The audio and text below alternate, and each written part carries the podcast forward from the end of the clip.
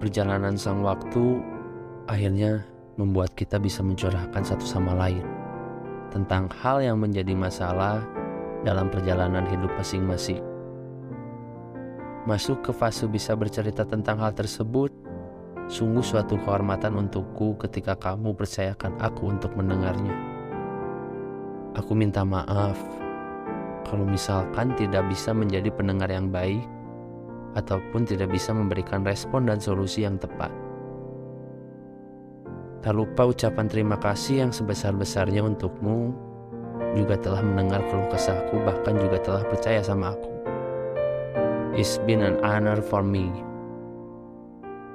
Segala kepercayaan yang kamu sampaikan akan selalu aku jaga dengan maksimal.